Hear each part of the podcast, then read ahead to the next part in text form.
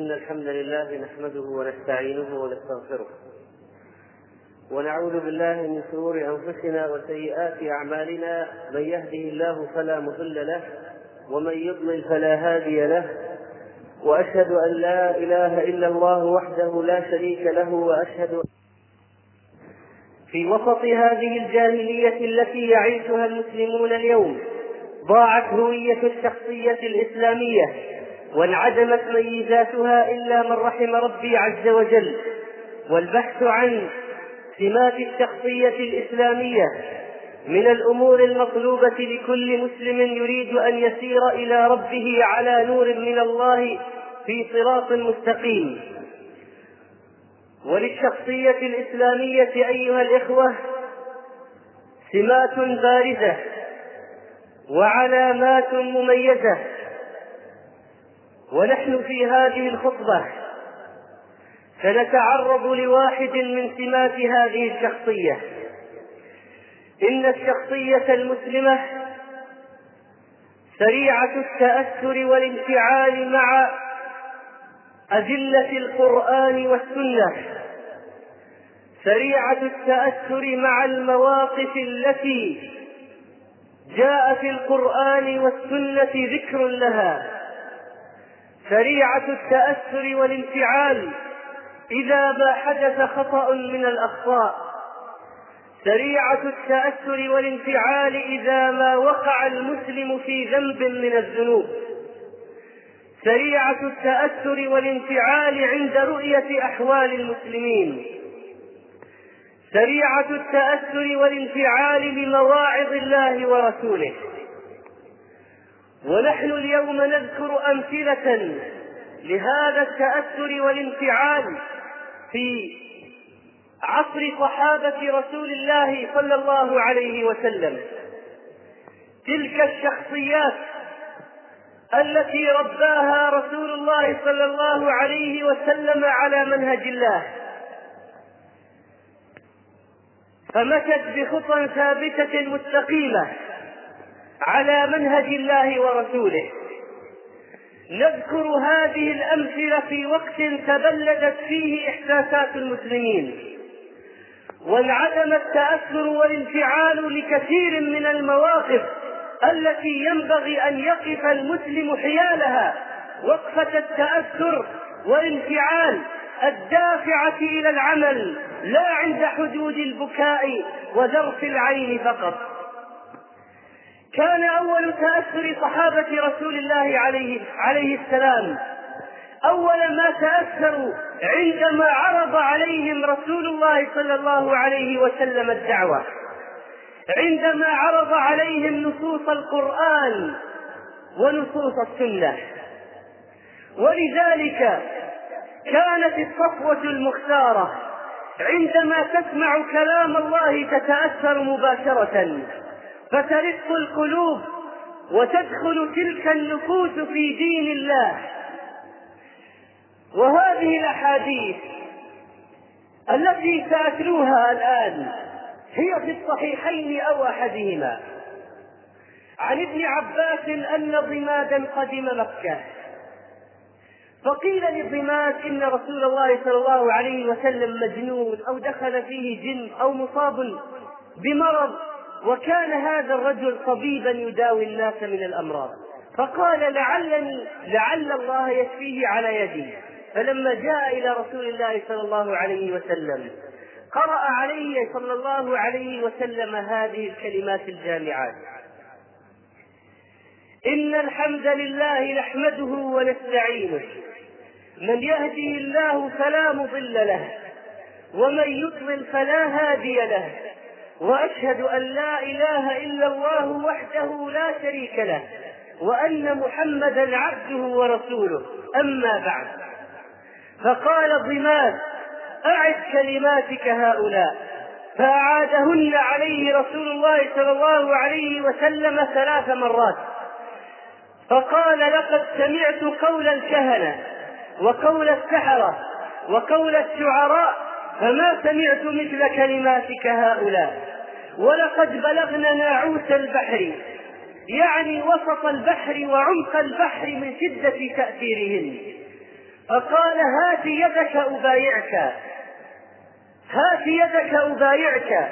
فبايعه ثم قال له عليه السلام وعلى قومك. قال وعلى قومي يذهب إليهم داعية إلى الله. أيها الإخوة تأثر هذا الصحابي من أي شيء؟ من أي شيء تأثر؟ ما هي الكلمات التي نقلته من ظلمات الجاهلية إلى نور الإسلام؟ إنها كلمات جامعات لكنها وجدت في قلبه مكانا فتأثر له فدخل في دين الله اعتنق الإسلام بعد الكفر.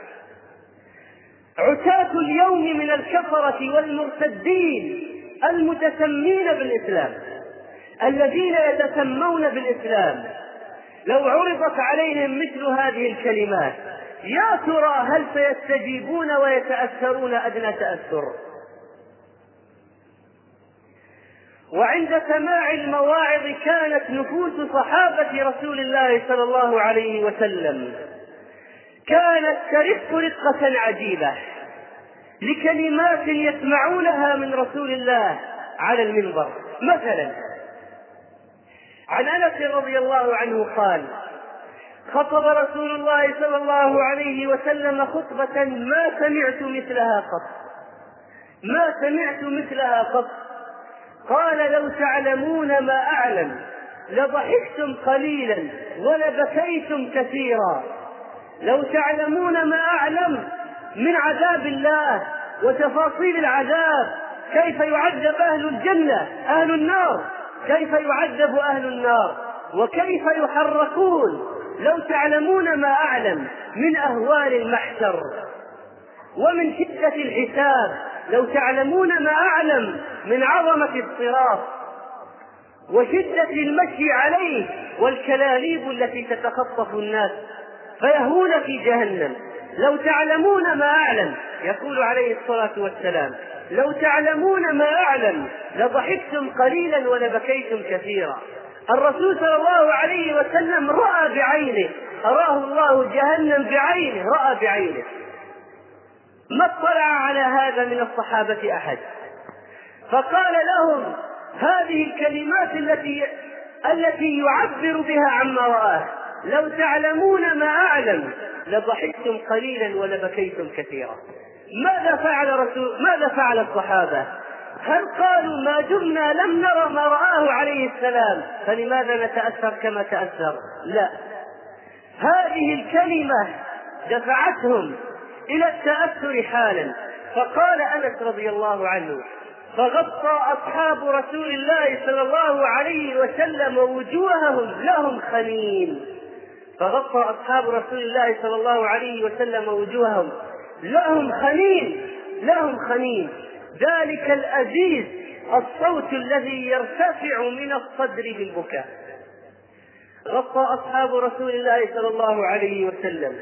وجوههم لهم خليل لهم خليل صوت يتأزز من الصدر من البكاء.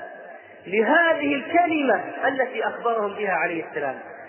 يا إخواني عندما نسمع المواعظ اليوم هل نتأثر لها كما كان صحابة رسول الله يتأثرون؟ هل نغطي وجوهنا كما غطى أصحاب رسول الله صلى الله عليه وسلم وجوههم؟ هل تنخلق العبرات وتذرف الدموع وتخرج الأصوات كالأزيز يغلي به المرجل من الصدور للتأثر من هذه المواعظ. لقد تبلدت إحساساتنا والله. إن على قلوبنا غلافا سميكا. لا تنفذ من خلاله آيات الله وأحاديث رسوله في المواعظ. يجب أن نرقق هذه القلوب أيها الإخوة. بشتى أنواع المرققات حتى نصل إلى الدرجة التي إذا سمعنا فيها المواعظ تأثرنا. كان أصحاب رسول الله إذا سمع أحدهم دعاء طيبا ولو على ميت ولو لميت تأثر به. صلى رسول الله صلى الله عليه وسلم على جنازة. فحفظت من دعائه يقول الراوي فحفظت من دعائه وهو يقول اللهم اغفر له وارحمه وعافه واعف عنه وأكرم نزله وأوسع مدخله. واغسله بالماء والثلج والبرد ونقه من الخطايا كما نقيت الثوب الأبيض من الدنس وأبدله دارا خيرا من داره وأهلا خيرا من أهله وزوجا خيرا من زوجه وأدخله الجنة واعذه من عذاب القبر أو من عذاب النار. ماذا قال الصحابي لما سمع هذه الدعوات؟ هي لميت مات. ماذا قال الصحابي؟ حتى تمنيت أن أكون ذلك الميت. تمنيت أنا يقول الصحابي تمنيت أن أكون ذلك الميت. لماذا تمنى أن يكون ذلك الميت؟ لأنه تأثر أيها الإخوة من هذه الأدعية التي دعا بها رسول الله صلى الله عليه وسلم لذلك الميت. يتأثرون حتى من الدعاء ولو لميت يتمنى أن يكون مكانه. لهذه الادعيه التي دعا بها عليه الصلاة والسلام. الصحابة رضوان الله عليهم كثير منهم كانوا فقراء. لا يملكون شيئا خصوصا في بداية الدعوة. عندما يسمع الصحابة الأوامر التي تحث على أفعال الخير وهم لا يملكون شيئا. عندما يسمعون الأحاديث تحث على الصدقة لا يملكون دنانير يتصدقون بها. كيف كانوا يتصدقون؟ كان تأثرهم يا إخواني من الأحاديث وهذه الكلمات التي تحث على الصدقة تحملهم على فعل أمر عجيب حتى يدركوها. ماذا كانوا يفعلون؟ قال الصحابي أمرنا بالصدقة. قال كنا نحامل. كنا نحامل. يعني يؤجر أحدنا نفسه لرجل عنده متاع ليحمله له. فإذا حمله له أخذ أجرة التحميل فتصدق بها. ما عنده دنانير ماذا يفعل؟ يذهب يؤجر نفسه فيحمل. هذه الأحمال يأخذ أجرة التحميل فيتصدق بها. أناس تأثروا من هذه هذه الأحاديث التي تدفع إلى الصدقة. ما عندهم شيء. هكذا كانوا يفعلون. وإذا اعتدى أحدهم على مسلم ضعفت نفسه في موقف. عن معاوية بن الحكم السلمي رضي الله عنه قال في حديث طويل يرويه الإمام مسلم منه وكانت لي جارية ترعى غنما لي قبل أحد. فاطلعت ذات يوم فإذا الذئب قد ذهب بشاة من غنمها. عدا الذئب على شاة فأخذها. وأنا رجل من بني آدم آسف كما يأسفون لكني صككتها صكة ضربها بكفه على صفحة وجهها. تأثر كيف يذهب الذئب. كيف يذهب الذئب بغنمه بشاة كيف يذهب بها؟ أين أنت؟ أين حراستك؟ أين رعايتك للغنم؟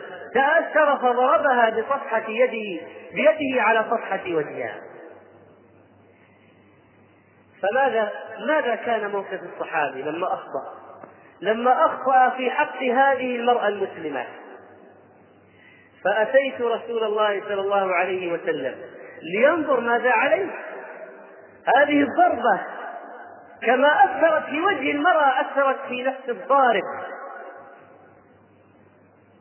أثرت في نفسه فأتيت رسول الله صلى الله عليه وسلم.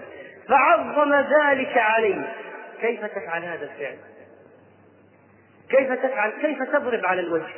كيف تضرب أصلا؟ ماذا فعل الصحابي عندما عظم رسول الله صلى الله عليه وسلم هذا الأمر؟ قلت يا رسول الله أفلا أعتقها؟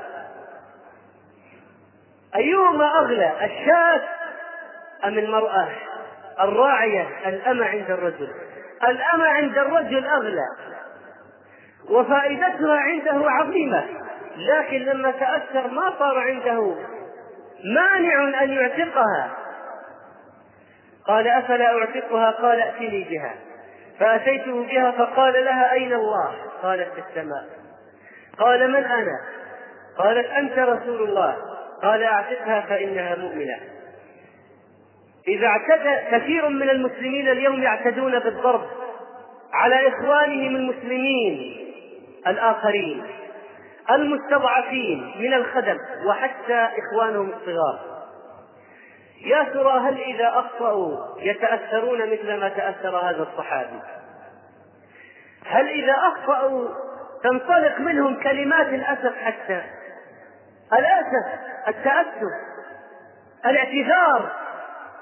أم أن أحدهم تأخذه العزة بالإثم فيرفض أن يتفوه بكلمة واحدة يعتذر بها عما فعله.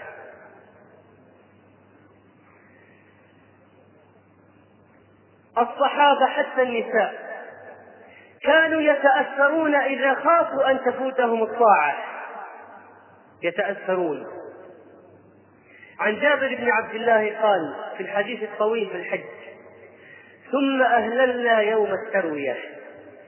ثم دخل رسول الله صلى الله عليه وسلم على عائشة فوجدها تبكي. فقال ما شأنك؟ قالت شأني أني قد حفت وقد حل الناس ولم أحلل ولم أطف بالبيت. والناس يذهبون إلى الحج الآن. الناس يذهبون إلى الحج. أنا لا أستطيع أن أذهب. أنا حائض. هذا الحي خوف فوات العبادة خوف فوات موسم الحج موسم الفضل العظيم.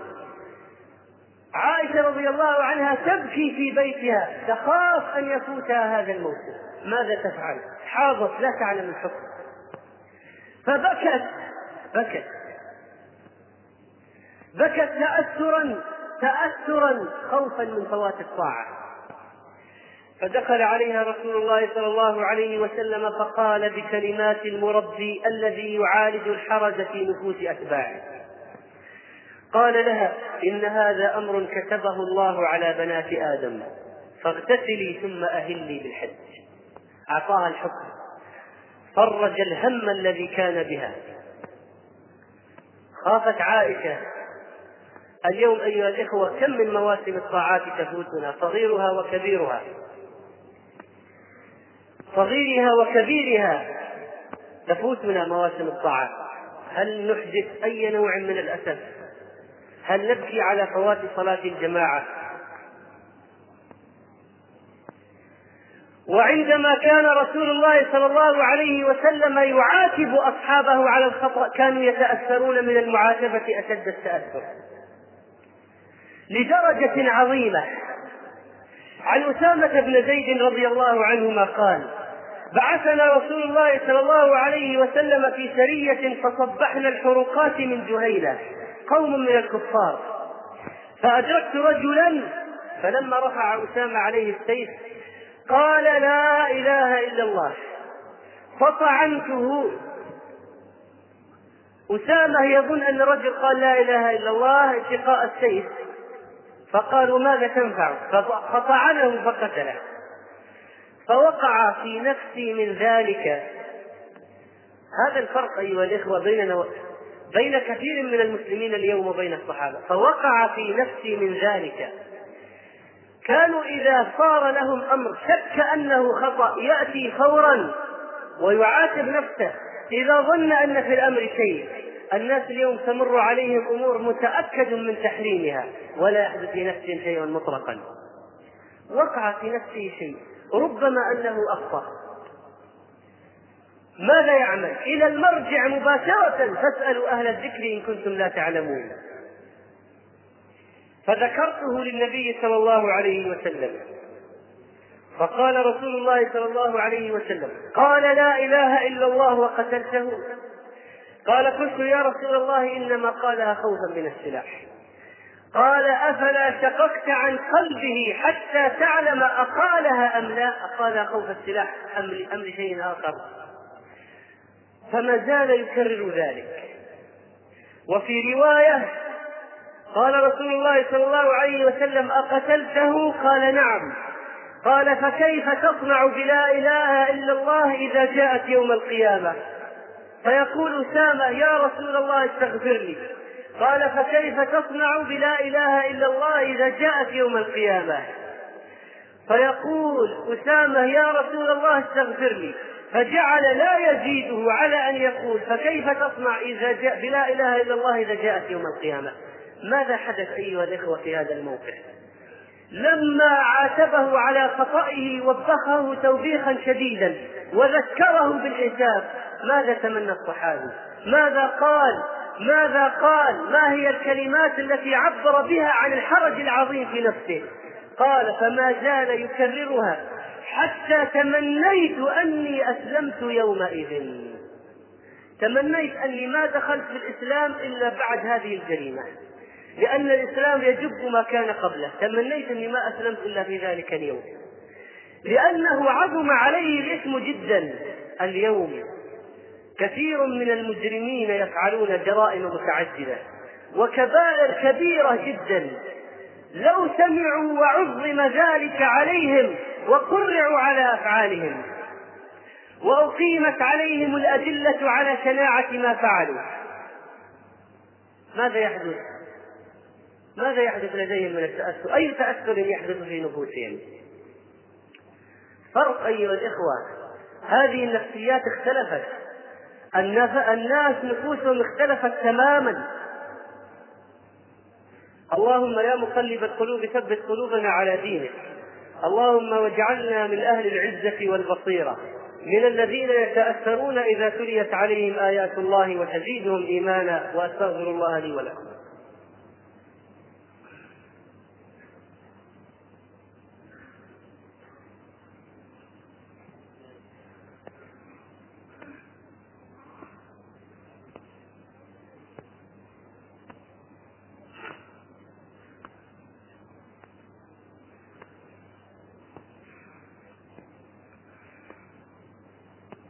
الإخوة في نهاية المسجد يتقدمون قليلا حتى يدخل إخوانهم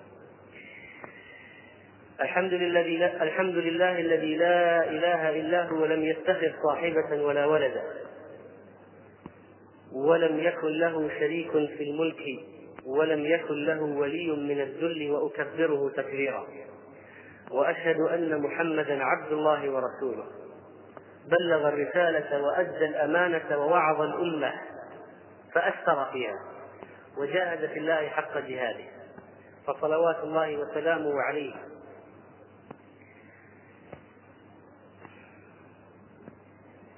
وعندما تقام الحجة على أناس ممن أخطأوا في تصوراتهم وتقام الحجة على أهل الشبهات كانوا يرجعون وكانوا يفيئون حتى أهل البدع منهم.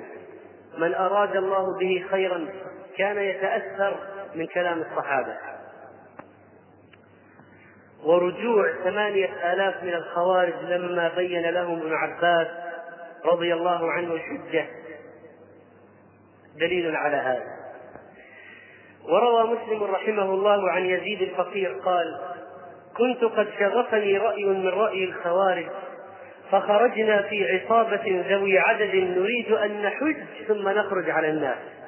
هذا هو منطوق الخوارج. ومفهوم الخوارج. نريد أن نحج نأتي بالعبادة ثم نخرج على الناس بالسيف. ونقتل المؤمن والصالح والمسلم. هذا المنطق الأعوج. قال فمررنا على المدينة. فإذا جابر بن عبد الله يحدث القوم جالس على سارية على سارية فقال فإذا هو قد ذكر الجهنميين قال فقلت له يا صاحب رسول الله ما هذا الذي تحدثون؟